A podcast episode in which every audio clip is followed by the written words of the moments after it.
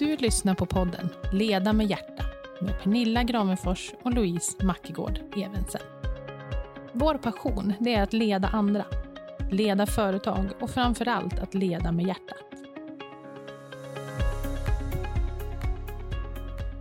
Varför är det viktigt att sätta mål? Vad är mål egentligen? Hur gör man och vilka fallgropar finns det? Idag ska vi prata om målsättningar och varför vi ska lägga tid på att definiera våra mål. Pernilla, varför tycker du att vi behöver sätta mål? För det första så är det ju till och med vetenskapligt bevisat att om man lever ett liv med mål så är chansen större att man också lever ett lyckligt liv. Det säger sig lite själv att man tar kommandot och lever ett specialdesignat liv som är just mitt. Eftersom jag då har upprättat massa mål som är viktiga för just mig, eh, så att man inte lever vind för våg. Vad skulle du säga att ett mål är för någonting? Ja, någonting som eh, man vill uppnå, någonting som man vill göra. För mig så är mål, det kan vara allt från små saker som att jag vill lära mig att sticka till att jag vill bli en framgångsföretagsledare. Det kan vara högt och lågt. Skulle man kunna definiera mål som att det är en typ av en dröm, en vision? Absolut. Och vad skulle du säga är kriterierna för att det ska vara ett bra mål? Ja, eh, först av allt är det viktigt att man har ett mål. Eh, för det andra så är det viktigt att det inte är för lågt satt. Eh, av personlig erfarenhet så vill jag säga att det ska finnas eh, lite höjd i målet. För när jag sätter för låga ambitioner på mina mål så får jag liksom inte en sån stor drivkraft att verkligen göra det som krävs för att nå målet. För att det är kanske inte så svårt att nå. Så att, eh, det skulle jag säga är eh, några av de sakerna som är viktiga. Just det här med att sätta mål tycker jag personligen har varit ganska svårt.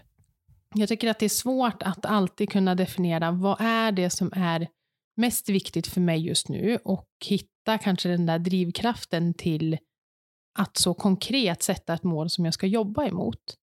Jag eh, tycker många gånger så har jag ju ringt dig och du är ju lite grann av min personliga coach i att kunna just ställa de där rätta frågorna för att se till att jag får hjälp att just definiera målet.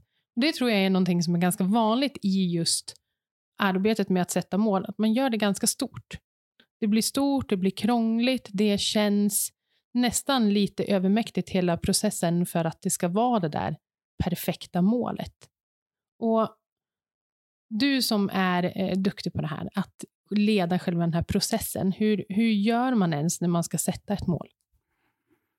Ja, när det gäller dig till exempel så har ju du alltid haft väldigt tydliga mål. Det är bara det att du inte alltid har haft dem nedskrivna. Det tror jag också att många går och bär på att jag tror alla har en ganska klar inre bild av vad man vill och vad man gillar och vad man blir glad av. Men kanske att man inte ser det som att man har satt ett mål, för man kanske inte har skrivit ner det. Så det jag skulle rekommendera att man startar med, som du och jag har gjort många gånger, det är ju bara att börja göra en lista. Vad, vad blir jag glad av? Vad tycker jag är kul att göra? Vad, vad finns det för saker som jag gillar att göra ofta? Eh, och så i det så hittar man, vad är det för områden i mitt liv som ger energi och glädje? Och börja inventera i nuläget, här och nu, och sen stretcha det och försöka då hitta önskade läget. Okej, okay, om ett halvår, om ett år, om fem år, vad vill jag vara, vad vill jag göra? Och hur ser då delmålen ut som jag behöver sätta upp för att jag ska nå dit? Ja, och um, den här processen är ju, tycker jag, just det här med att det känns som att det blir lite väl stort. Um, någonting som har hjälpt mig det är att bara ta fram ett, ett stort vitt blad. Att bara skriva upp på olika sätt utan fina formuleringar. Kanske till och med rita någonting. Bara för att visuellt skapa mig en bild av var var vill jag ta vägen någonstans? Och det tycker jag för mig har hjälpt mig i att sätta mål. Det är ju att röja, kan man säga, sannolikheten att det bara ska bli som det blir. För det är ganska lätt att när man gör sin årsredovisning för sig själv, vilket vi brukar göra, både du och jag, att ändå gå igenom året som har varit. Vad har hänt och vad, vad har vi gjort? Vad har vi uppnått? Har jag inte haft några tydliga mål det året, då har det ju oftast inte blivit så mycket heller.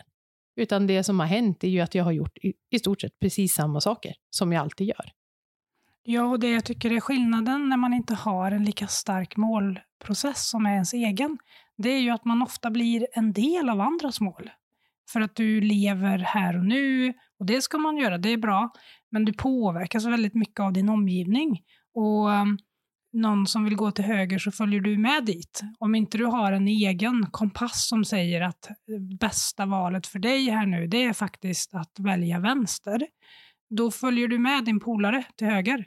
Eh, och eh, för att du verkligen om ett år eller två år ska hamna där du vill hamna så gäller det ju att du har delmål på vägen. Så att när du ställs inför sådana val så vet du eh, vad ditt eh, önskade läge är. Då, då vet du svaret vad du bör välja, om du bör välja vänster eller höger. Så det är den stora skillnaden tycker jag, att man blir eh, kidnappad in i andras målsättningar och andras liv. Och jag tycker att det är så, mm, apropå att det kan vara lite svårt att själv definiera exakt vart man vill, så tycker jag Mårten Nylén säger det så fint, att livet handlar inte alltid om att hitta sig själv, utan det handlar också om att skapa sig själv. Att jag vill ju ändå ta mig någonstans dit jag inte faktiskt befinner mig idag. Utan jag vill ju faktiskt skapa någonting mer utav mig själv som jag då behöver definiera för att då ta de där valen. Och just det där att ta de där valen, det är i yrkeslivet och på vårt jobb så tycker jag att det har gett jättestor effekt. Att ändå sätta ett mål om till exempel vilken typ av chef eller ledare jag vill vara. Att jag har ett mål att när mina kollegor till exempel möter mig på stan om 15 år, då har vi inte setts på kanske 10 år. Vad vill jag att de ska då komma ihåg om mig? Vad vill jag att de ska säga till sin sambo eller förälder som de går med på stan? Och det där var Louise och hon, du, du, du. Vad är det jag vill? Och det tycker jag, för mig att ha fått hjälp då av dig, att definiera just det, tycker jag har hjälpt mig jättemycket i, precis som du säger, de situationer som jag ställs inför. Då blir det enkelt för mig att ta de val jag behöver för att jag ska nå det här målet. Mm. Det vill säga att det är så många gånger som man har blivit utsatt för en situation där jag egentligen vill bara gå därifrån. Jag vill strunta i det. Du vet, varenda molekyl i min kropp säger att det här är nu, jag blir så stressad, jag blir så pressad och jag vill egentligen inte. Men jag vet att mitt mål är att jag vill utvecklas inom just det här och jag vill kunna uppnå det. Så då har jag tagit mig an den där uppgiften.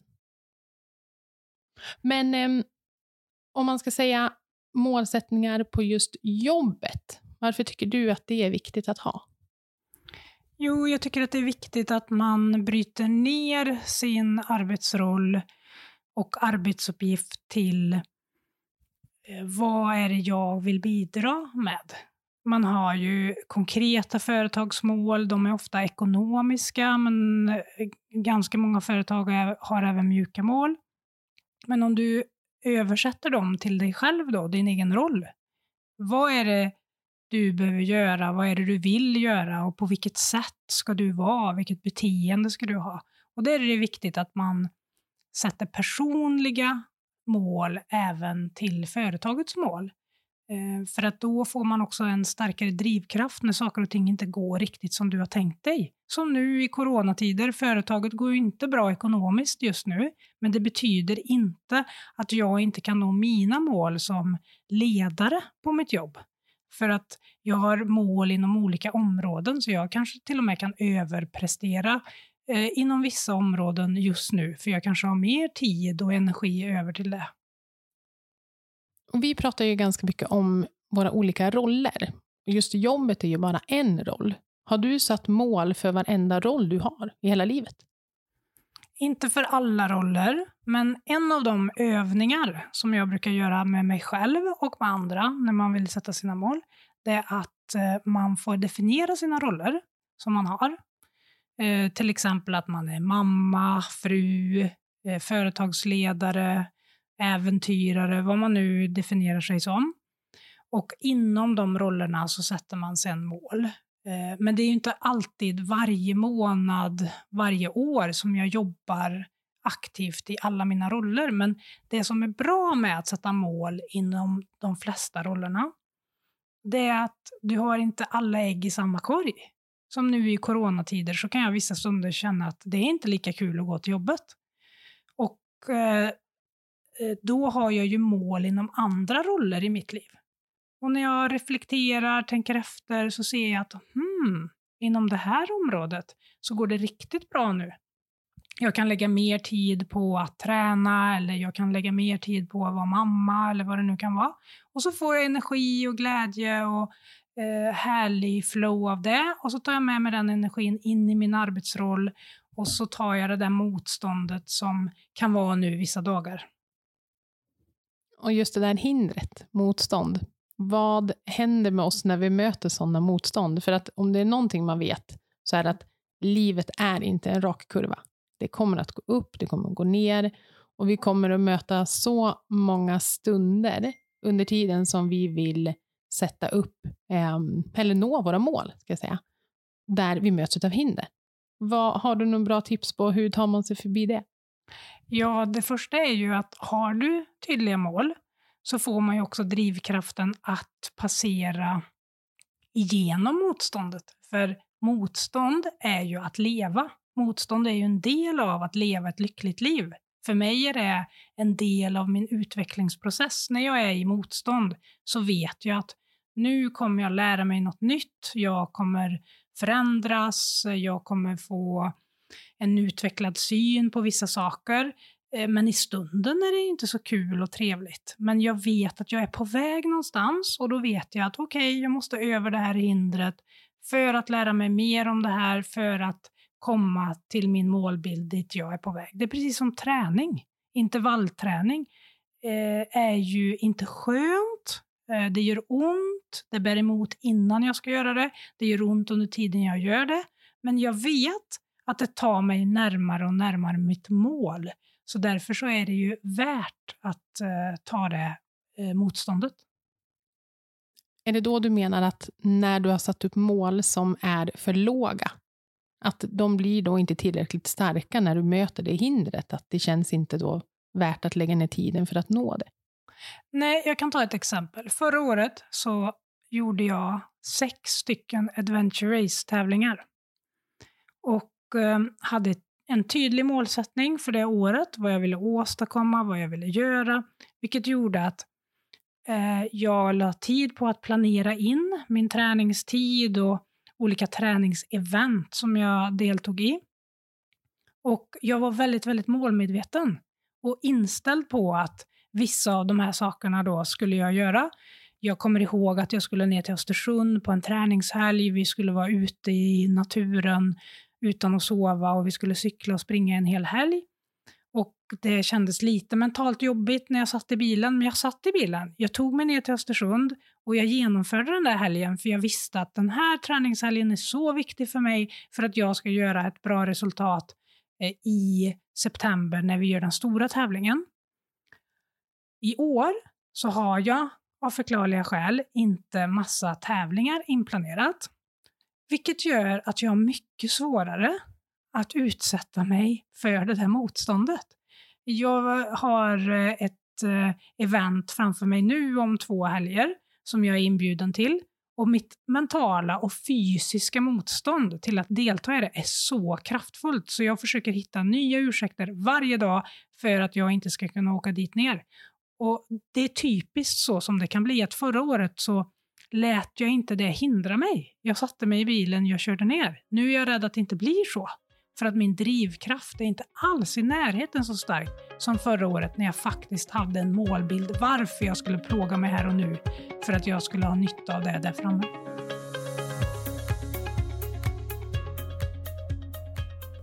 Okej, vi förstår ju nu att det är viktigt att sätta mål. Men Pernilla, ser du att det finns olika steg i den här processen just för att ta fram sina mål? Jag brukar se det som fyra steg. Och där ett är nuläge. Var är jag här och nu? Och nummer två är önskeläge. Tre riktning och fyra målsättningar. Så det är som fyra olika steg innan man kommer till just målsättningssteget. Nu känns det som att våra lyssnare får fatta papper och penna här. Och i nuläge, vad har du för typ av verktyg och metoder för just den delen? Ja, en favoritövning som jag har där, det är tidslinje. Mm, jag brukar dela ut ett litet kort där man får rita in olika höjdpunkter hittills i sitt liv. Eh, man kanske skriver ett litet årtal och så skriver man vad det var som hände och på vilket sätt Eh, det har påverkat dig. Så det är en sån här konkret övning som är väldigt kul att göra, som eh, ger aha-upplevelser hos de flesta och som man kan ha kvar, de där nedtecknade korten, och ta fram längre fram och reflektera över. Så det är en övning jag kan rekommendera. Eh, en annan övning det är 85-årsdagen. Att man simulerar sin 85-årsdag. Vilka är där? Vad säger de som är på din 85-årsdag om dig? Eh, vad berättar de om dig? Vilka tal håller de? Eh, vad har liksom hänt fram till att du är 85 år? Det är också en väldigt inspirerande övning där man börjar drömma lite framåt och tänka på hur man vill leva sitt liv. Och eh, man kan också jobba med någonting som jag kallar för livshjulet under eh, nuläge. Så egentligen tre saker. Den 85-årsövningen, eh, mm. så, den måste jag personligen säga är någonting som har påverkat mig jättemycket. Jag tyckte att det var så starkt att göra den övningen. Och Det gav väldigt många perspektiv på hur man själv vill leva. Verkligen. Vad var de andra två? Det var tidslinjen. Tidslinjen. Och den tredje var livshjulet. Just det. Men det var då nuläge. Och nummer två i din fyrpunktslista här, det var önskeläge. Mm. Vad gör man där då?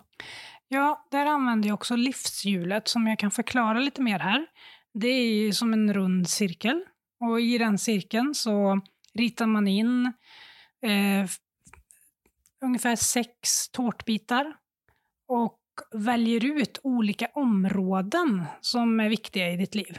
Det kanske är hälsa och rekreation, familj, ekonomi, eh, jobb och så vidare. Det får man ju välja vilka kategorier man själv vill ha där. Och så graderar man var man befinner sig på den här skalan. Så i den första nuläge, då skriver man ju var befinner jag mig nu? Och i önskeläget, då skriver man ju ner eh, den siffra som man önskar ha. Just det. Så om jag på um, familj just nu ligger på en fyra, så är mitt önskeläge såklart en tia. Ja, man får ju ett perspektiv. När du gör den här för nuläge så ser man ju att okej, okay, jag har max på pengar, jag har max på jobb, jag har max på den typen av delar, men jag har en tvåa på familj, en tvåa på hälsa och re rekreation, så får man ju en indikation på var man bör jobba hårdast med sina målsättningar till exempel. Tycker du att man ska ha en målsättning inom varje tårtbit? Ja. Mm. Okej, okay. nuläge, önskeläge och nummer tre var då riktning. Mm. Vad har du för metod och verktyg för den? Ja, den, då brukar jag börja med att man får göra en lista med 15 saker man älskar att göra. Ofta och länge.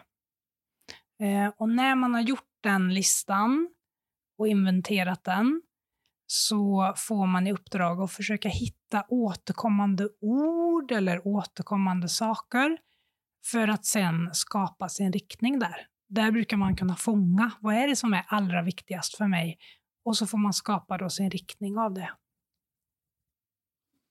Okej. Okay. Nuläge, önskeläge, riktning. Och nummer fyra är då målsättningar. Förklara. Mm. Ja, där får man helt enkelt eh, dels jobba, eh, när jag kör sådana här processer, så får man skriva ner hundra saker som man vill göra innan man dör. Random. Och eftersom det är hundra saker så skriver man ju ner allt från väldigt, väldigt små saker till väldigt, väldigt stora.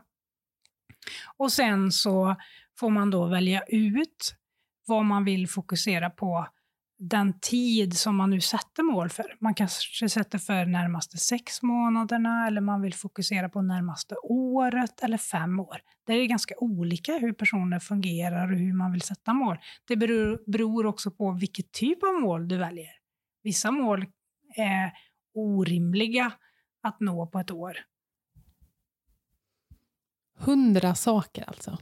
Mm. Det blir ju också någonting som är viktigt i sådana här processer det är ju att förstå att det här kommer att ta tid. Det här är inte en process som man gör under loppet av en dag och så är man färdig. Utan hur lång tid skulle du säga att det här tar? Eller jag tycker i de flesta lägen så är det ju verkligen viktigt att göra grundarbetet bra. För att ju mer grundarbete du har gjort, desto lättare är det ju också att du prickar rätt och att du kan fullfölja sakerna. Ja, jag kan ju bli förvånad över hur lite tid eh, personer och människor lägger på att faktiskt göra en egen plan för sitt eget liv, för helheten. Ganska många är målinriktade när det gäller jobbet, för där har man övergripande mål serverat för sig. Och så bryter man ner dem till vad det betyder för mig. Men jag möter ganska många som däremot inte har en tydlig plan för andra delar i sitt liv. Eh, eh, för att få fram tydliga mål så måste man investera tid. Och någonting som jag tycker är viktigt när man ska jobba med det här, det är ju att ge sig själv de bästa förutsättningarna. Att se till att man är i rätt tillstånd. Så när jag gör det här med andra så vill jag helst ha tre hela dagar. Och där vi jobbar med både mentalt och fysiskt. Vi rör på oss mycket, vi använder yoga som ett redskap och även lite meditation. Och sen så jobbar man då helt enkelt med de här övningarna. Dels individuellt, men också tillsammans med andra. För att det som är väldigt viktigt med målsättningar, det är att det inte bara blir en jättelång lista med olika saker du vill göra som du aldrig säger högt till någon.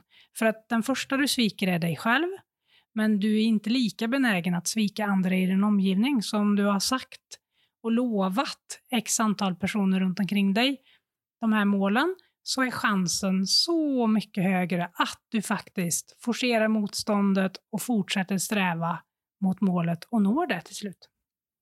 Ja, och tanken är ju inte att det ska vara en enda lång lista med to-do-saker som gör oss stressade, utan det ska vara en inre drivkraft till saker som vi faktiskt vill uppnå och som vi drömmer om. Mm, jag, ehm, jag tänker på just det här med när man då har satt sina mål eller gjort det här jobbet och sen går i till exempel på ett yogapass eller meditation. Är det inte ganska lätt att man också då kommer tillbaka och känner att ja, fast det här målet var helt orelevant. Varför har jag skrivit ner det? Eller är det en del av processen också? Ja, men det är en del av processen. Och man ska inte vara så rädd. Alltså, det är inte så farligt att skriva ner en målsättning, men sen komma fram till om, efter några veckor att varför har jag skrivit det där? Det där är ju min mamma som vill. Det där är inte jag. Jag vill inte bli läkare. Nej, men bli inte det då. Men, eller vad det nu är. Eller jag ska börja eh, baka och sätta surdeg, för det gör alla andra nu. Och så sätter man igång med det och så inser man att ja, det här tyckte inte jag var kul. Nej, men eh, baka inte surdeg då. Det är bara att åka till bageriet och köpa det. Så att det är helt ofarligt. Så dels vill jag säga det att våga kasta sig ut och bara skriva ner, välja några mål och sen är det bara att byta om man känner att det inte blir rätt. Sen är det ganska klassiskt att man säger också att man inte ska ha för många mål. Jag tänker på den här listan med eh, drömsakerna på hundra saker man ska uppnå. Hur många mål per år eller per period tycker du att man ska ha? Tre. Tre. Inte fler. Och jag har varför det? testat det? Ja, ja, dels har jag eh, provat det själv, den hårda vägen. Att jag är väldigt överambitiös, så jag har under perioder haft många flera mål samtidigt. Vilket gör att då har jag inte nått något av målen. För jag blir, det blir för um, svårt. För att om man har då tre mål som man ska nå, som är viktiga, så är det ju massa delmål som är inplanerade för att jag ska nå de tre målen. Och har jag då inplanerat 5 till 10 mål med alla de delmålen så ger man inte sig själv de rätta förutsättningarna att lyckas. Och jag har experimenterat och de senaste åren så kör jag stenhårt på bara tre. Men jag jobbar i eh, sex månaders perioder. Så ofta har jag tre stycken exakt eh, sam, alltså jag har samma mål i tre eller sex månader och eh, jobbar dedikerat med dem. Och efter sex månader så utvärderar jag, är jag på väg dit, har jag nått dem? Och eventuellt så kanske jag byter ut något av målen för jag har nått det och puttar in något annat. Eh, eller så fortsätter jag. Eh, för ibland har man ju väldigt långsiktiga mål eh, som kräver mycket insatser under ett år och då får man ha kvar dem under en längre tid. Vad skulle du säga är det som händer i oss när vi når det här målet? Ja, men det är en väldigt skön inre tillfredsställelse att jag känner att jag lever mitt liv. Och för andra så kan det ju tyckas helt orelevant, vissa saker som står på min lista och som jag har uppnått. För att det har ingen betydelse för dig till exempel. Det är inte särskilt stort. Men det är bara den där känslan att känna att jag har bestämt mig för en sak, jag har gjort vad som har krävts och nu är jag där. Och ju mer man jobbar med det här och ju, ju mer tiden går och man övar sig, eh, desto modigare mål vågar man sätta och desto enklare har man att nå sina mål. Och man blir också lycklig av att känna att jag styr mitt liv, eh, det går i den riktningen som, som jag önskar och vill. Mm, och jag läste någonstans att just att nå sina mål, det är en av de starkaste sakerna vi kan göra för att öka vår egen självkänsla och vårt eget självförtroende. Att just känslan av att jag har bestämt mig för det här och jag nådde det. Mm. Och sen är det också coolt att jag har en hundralista som jag bara uppdaterar en gång om året. Och sen har jag ju de där tre målen som jag fokuserar på. När jag gör eh, årsgenomgång, när jag tittar, hur har de här 12 månaderna gått eh, bakåt i tiden, så är det ju inte sällan som jag ser att jag har bockat av ännu flera mål från min hundralista. För man får väldigt mycket energi och kraft och mod av att eh, jobba dedikerat mot sina mål. Så man får en liksom skön känsla. Så det gör att bara farten, så får jag in eh, några andra också. Och så kan jag stryka dem och lägga till nya. Sen tänker jag att vi är ju chefer och ledare båda två. Och i eh, vårt eh, vad ska jag säga, yrkesliv så har vi ju faktiskt lagstadgade eh, krav på oss att vi ska just sätta mål och tydliga förväntningar till våra medarbetare. Och um, i arbetslivet kan man ju säga att det är ett väldigt effektivt sätt att påverka våra arbetsprestationer. Såklart att säga att det, det är hit vi ska. Men vi har ju båda erfarenhet också när, när just mål inte är definierade. Vi vet inte vart vi är på väg. Det är få saker som skapar så mycket stress och så mycket konflikter i ett arbetsliv när just de där sakerna inte finns på plats. Har du några erfarenheter kring det här? Ja, absolut. Det har man ju haft vid flera tillfällen under sitt yrkesverksamma liv. Och det är väl det också som är symbolen för att om du tänker att eh, vad det skapar på en arbetsplats, då kan man ju tänka att den effekten eh, översatt har du ju på dig själv också. Att man springer bara runt och så blir det ju på en arbetsplats om man inte har en tydlig riktning, att man inte har ett varför. Varför gör vi det här? Och tydliga målsättningar till det, då um, blir ju hela företagets inriktning väldigt otydlig. Det blir väldigt svårt att fatta snabba beslut. Eh, väldigt många måste ofta vara involverade för att eh, fatta ett beslut. Man blir en långsam och trög arbetsplats som känns otydlig och det skapar väldigt stor otrygghet.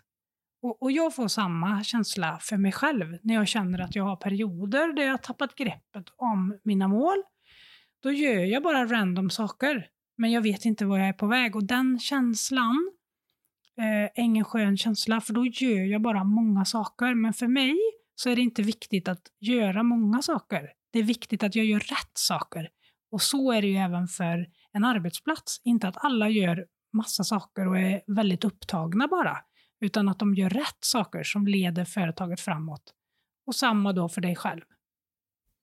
Ja, och um, som medarbetare att inte veta vad som förväntas av en, då jobbar man ju på lite grann som man själv vill. Och sen när då väl någonting dyker upp som antingen en feedback som man inte hade förväntat sig, eller kritik, eller någon typ av förväntan dyker upp, då blir det ju oftast en stor konflikt i det. För det har ju aldrig funnits förut, så varför ska jag nu helt plötsligt göra någonting helt annorlunda än det jag själv hade tänkt? Men um, om vi um, ska försöka sammanfatta hela det här avsnittet, vad skulle du säga är essensen som vi vill att våra lyssnare tar med sig utav just målsättningar? Jag tycker att det minsta man kan göra det är att investera eh, minst en dag i sig själv. Eh, att bege sig till en plats där man mår bra och där man hamnar i ett härligt tillstånd. Och eh, där man tar sig tid och skriva ner. Vad gillar jag att göra? Vad blir jag glad av? Det är det minsta man kan göra. Och den där är jätteviktig som du säger nu, skriva ner. Apropå vad forskningen visar att vi får gjort, när vi har sagt det högt och när vi har skrivit ner det, då ökar sannolikheten att vi gör det med väldigt många procent. Och sen då när man har valt sina mål, om man nu går på mitt råd att välja tre stycken som man ska fokusera extra på närmaste halvåret, så kan jag skicka med också fyra frågor som man kan använda till varje målsättning. Och det är nummer ett. Vilka steg behöver du ta för att nå målet? Alltså, vad är delmålen? Det är fråga nummer ett. Fråga nummer två. Vad kan hindren vara att nå målet? Fundera på det och skriv ner. Fråga 3. Vilka är dina vittnen till att du har det här målet? Hitta en eller flera personer som du faktiskt berättar för att du har just det här målet. Och sista frågan. Hur och när väljer du att följa upp dig själv? Det där är ju jätteviktiga slutord på något sätt, för det är ju att få saker att hända. Det är ju det som också är det viktiga i att sätta mål. För det är ju inte bara att de ska stå där på ett papper, vi ska ju faktiskt få det att hända också. I vår podd så vill vi gärna inspirera andra att leda med hjärtat. Genom att dela med oss av våra vardag som ledare så är vår förhoppning att underlätta er vardag som ledare. Följ oss gärna på Instagram, Leda med hjärta. Signa upp på vårt nyhetsbrev och hör gärna av er till oss med vilka ämnen som ni vill höra mer om. Och mer information hittar ni på ledamedhjärta.se. Tack snälla för att ni har lyssnat.